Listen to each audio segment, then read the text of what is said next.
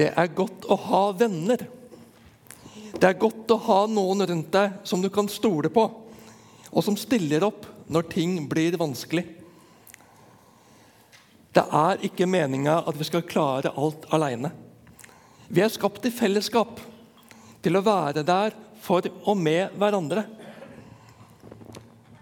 Og så er det kjekkest når vi er venner. Det føles best når vi har det bra sammen. Når vi er på linje, når vi er enige. Når vi oppfører oss pent overfor hverandre. Men det er ikke alltid vi klarer det. Noen ganger så sprekker det. Enten i sinne og frustrasjon, eller den er dypt uenige og har vanskelig for å akseptere og tåle det den andre hevder. Eller at en rett og slett går på trynet og gjør noe forferdelig dumt. Hva da? Hva med vennskapet da? Tåler du meg da? Eller er det da slutt? Over? Finito? Der var vennskapet over. Jeg skal innrømme at jeg skvatt da jeg først leste bibelavsnittet som vi straks skal dele sammen. Ja, men er dette mulig? Henger dette sammen? Ja, det gjør faktisk det. La oss lytte til Guds ord, og la oss lytte til hva Jesus sier, tenker og gjør. Det er påske. Det er like før Jesus blir tatt til fange, og vi leser sammen fra Johannes 13, vers 30-35. Vi står.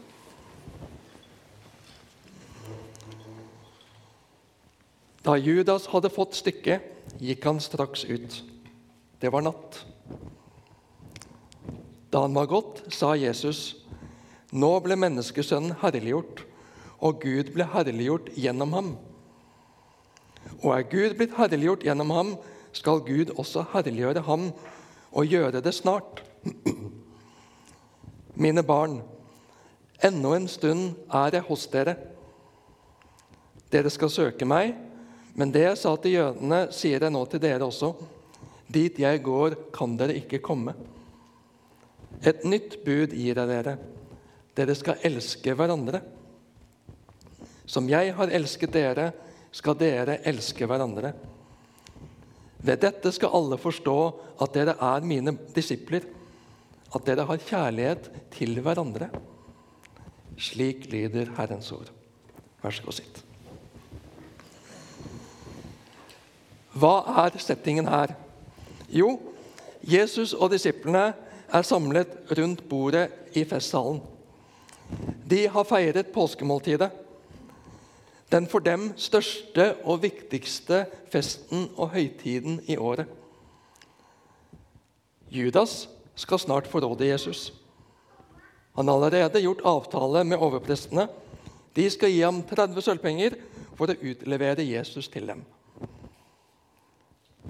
Peter skal i løpet av få timer komme til å fornekte all kjennskap til Jesus. Han er for redd. Han vil gjøre det han kan for å berge eget skinn. Men det vet han ikke selv ennå.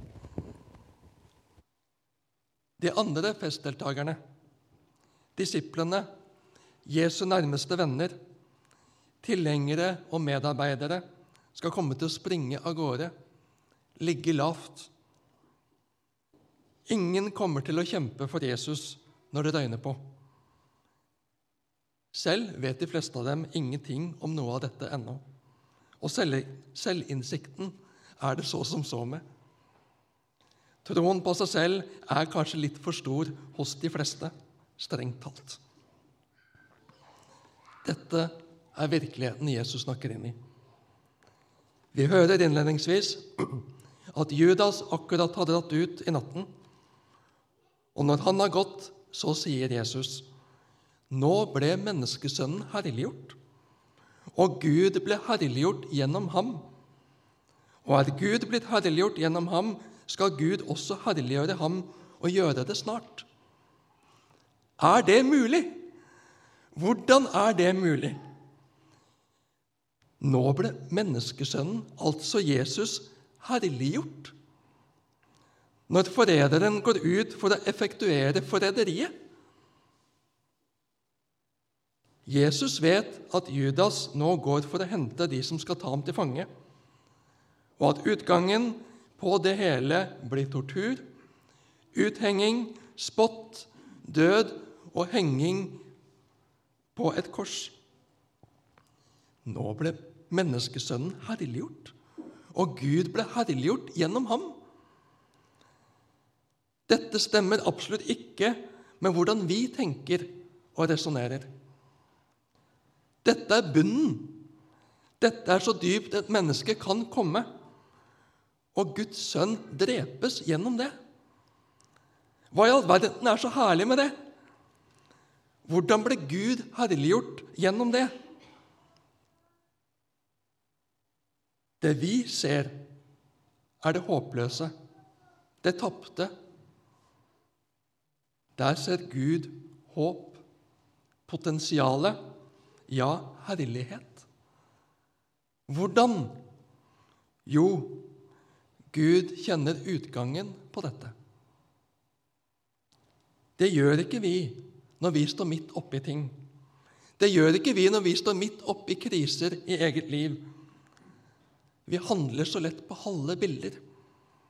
Vi tar så lett beslutninger på halve sannheter, halve virkeligheter, for vi tar oss ikke tid til å se hvordan dette går. Vi bryter opp i sinne. Vi sier noen ord som vi, når sinnet har lagt seg, angrer på. Men ordene ble til brudd, til heftig konflikt. Og jeg kjenner sinnet og frustrasjonen når jeg tenker på det. Men jeg ble såret også. Du gjorde meg vondt også. Jeg har ikke lyst til å be om tilgivelse. Jeg har ikke lyst til å ydmyke meg og trekke tilbake det jeg sa, til å innrømme mine feil, for dine var minst like store. Du får sannelig komme først.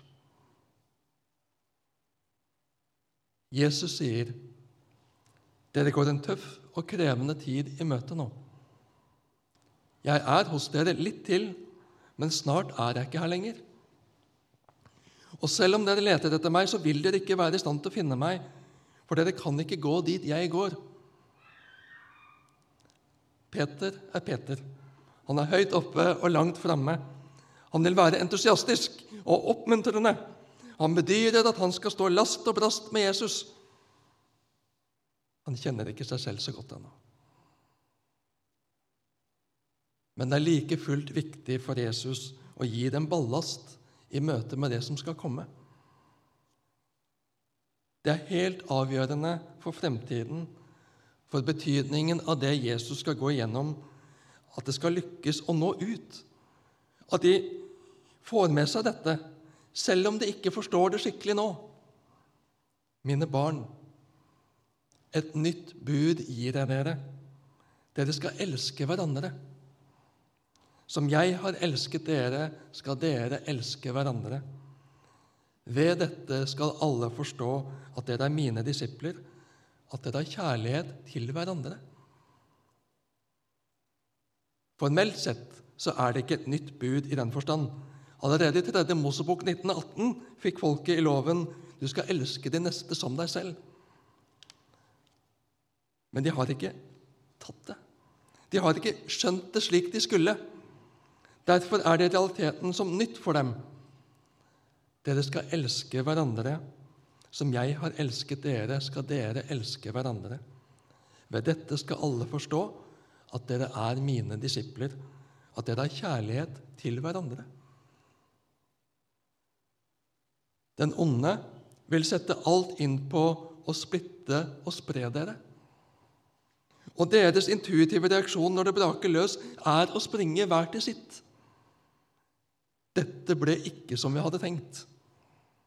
Dette ble ikke som vi hadde håpa på og drømt om. Jeg får bare gi opp og vende tilbake til det gamle. Nei! Dere skal elske hverandre. Som jeg har elsket dere, skal dere elske hverandre. Det mest tragiske og vonde og det eneste i virkeligheten håpløse som skjedde i påsken, var at Judas, etter å ha gjort sitt enorme feilgrep og falt så dypt at han ikke utholdt seg selv og skammen og gikk og hengte seg. Da var håpet ute. Da brente han alle broer. Han avsluttet sitt eget liv og hindret seg selv i å reise seg igjen og forsones igjen. Det verste var ikke sviket. Det verste var ikke det enorme feilgrepet å forrede sin beste venn og mester. Fallet kunne rettes opp igjen, men han så det ikke da han sto dypest i det. Han så ingen utgang og valgte sin egen utgang på livet. Det er det mest tragiske og eneste håpløse. Det som skjedde med Jesus, var helt forferdelig. At de kunne binde ham i lenker og føre ham bort som en forbryter, dømme ham etter en forse av en rettssak, slå ham helseløs, fornedre ham gjennom spott, spytt og tornekrone, og til slutt drepe ham ved korsfestelse. At Peter, han som liksom skulle være lederen blant de tolv, som det liksom skulle bygges på videre, at han tre ganger kan nekte for all kjennskap til Jesus, ja, banne på at han ikke kjente ham. Hvor er ryggraden hen? Hvor er nå den kloke, modige, fromme lederen? At de andre bare kunne springe vekk med halen mellom beina. For noen folk! Hvor er prakteksemplarene henne? Hvor er de fromme disiplene som skulle bringe dette videre? Dere skal elske hverandre. Som jeg har elsket dere, skal dere elske hverandre. Hold sammen. Vær gode mot hverandre. Ta dere av hverandre. Tål hverandre. Følg mitt forbilde. Vær mot hverandre som jeg har vært mot dere. Elsk hverandre slik jeg har elsket dere. Ikke gi opp verken deg selv eller din venn, ditt familiemedlem, din kristne bror og din kristne søster. Ikke snu ryggen til. Ikke la frustrasjonen ta overhånd. Ikke gi opp. Du ser ikke hele bildet ennå. Ikke ta forhastede beslutninger på ufullstendig grunnlag. Det er lett å holde sammen når alt er bra når alt føles godt, når det ikke er noe vondt og krevende mellom oss. Men vår intuisjon, vel å merke etter syndefallet, er å trekke seg unna når det ikke føles så godt. Når ting blir vanskelig. Jeg vil bort fra det vonde og vanskelige. Og så slutter den at den må bort fra de menneskene som ga meg de vonde følelsene, de vonde opplevelsene. Men det er ikke det Jesus sier. Dere skal elske hverandre. Som jeg har elsket dere, skal dere elske hverandre. Han sto i det. Han sto gjennom det. Ja, Jesus ofret sitt eget liv for den kjærligheten til deg og meg. Og kjærligheten vant, selv om det så ut som den tapte, selv om det så ut som alt håp var ute. Det gikk ikke over den første dagen. Det opplevdes helsvart. Det gikk ikke over den andre dagen heller. Fortsatt helsvart. Men den tredje dagen kom med noe helt nytt. Noe helt uventet. Noe helt ufattelig, men like fullt sant. Oppstandelsen. Liv av døde. Håp ut av det som syntes håpløst. For Gud er alt mulig. Dere skal elske hverandre som jeg har elsket dere, skal dere elske hverandre. Det du og jeg har fått av Jesus, skal vi sette i omløp i møte med våre medmennesker. Ikke minst innad i familien, ikke minst innad i disippelflokken, det kristne fellesskapet. Det oppleves naturstridig når det står på. Det oppleves håpløst når det står på. Men det er ikke håpløst der kjærligheten får komme inn og gjøre sin gjerning. I familien, i vennskapet, i menigheten. Dere skal elske hverandre. Som jeg har elsket dere, skal dere elske hverandre. Har du fått tatt imot Guds kjærlighet? Har du fått tatt imot Jesu kjærlighet? Har du fått sett deg elsket av Gud og tatt imot den? Blitt kjent, blitt hans og bekjenner deg ved hans navn. Kristen, Jesu Kristi etterfølger. La det få gjennomsyre deg.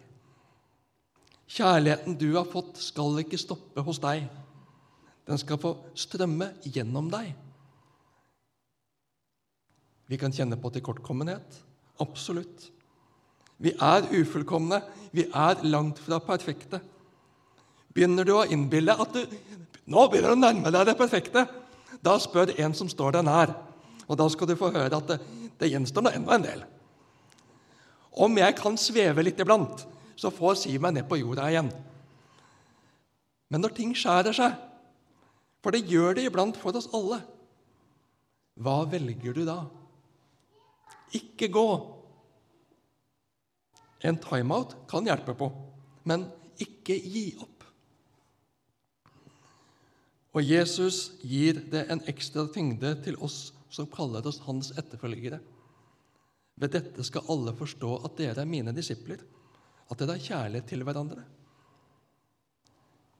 Det hjelper ikke å plapre om Jesus i hytte og vær om du er en grinebiter og en kranglefant. Det er jo ikke noe appellerende i det. Tvert imot. Blir en sånn av å være kristen, så takke meg til. Nei takk.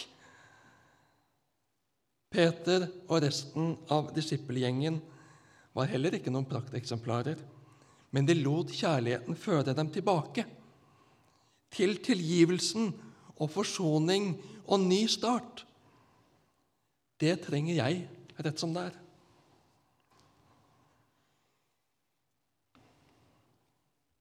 Jeg er utrolig glad for et oppklaringsmøte og oppskværingsmøte her i annen etasje på mandag.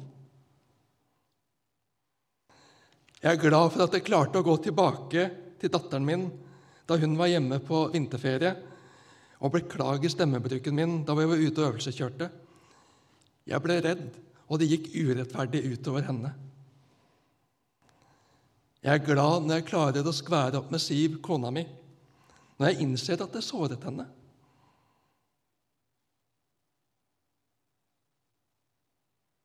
Jeg kan ikke skilte med plettfri oppførsel, verken i trafikken eller i menigheten eller på hjemmebane eller på noen annen arena.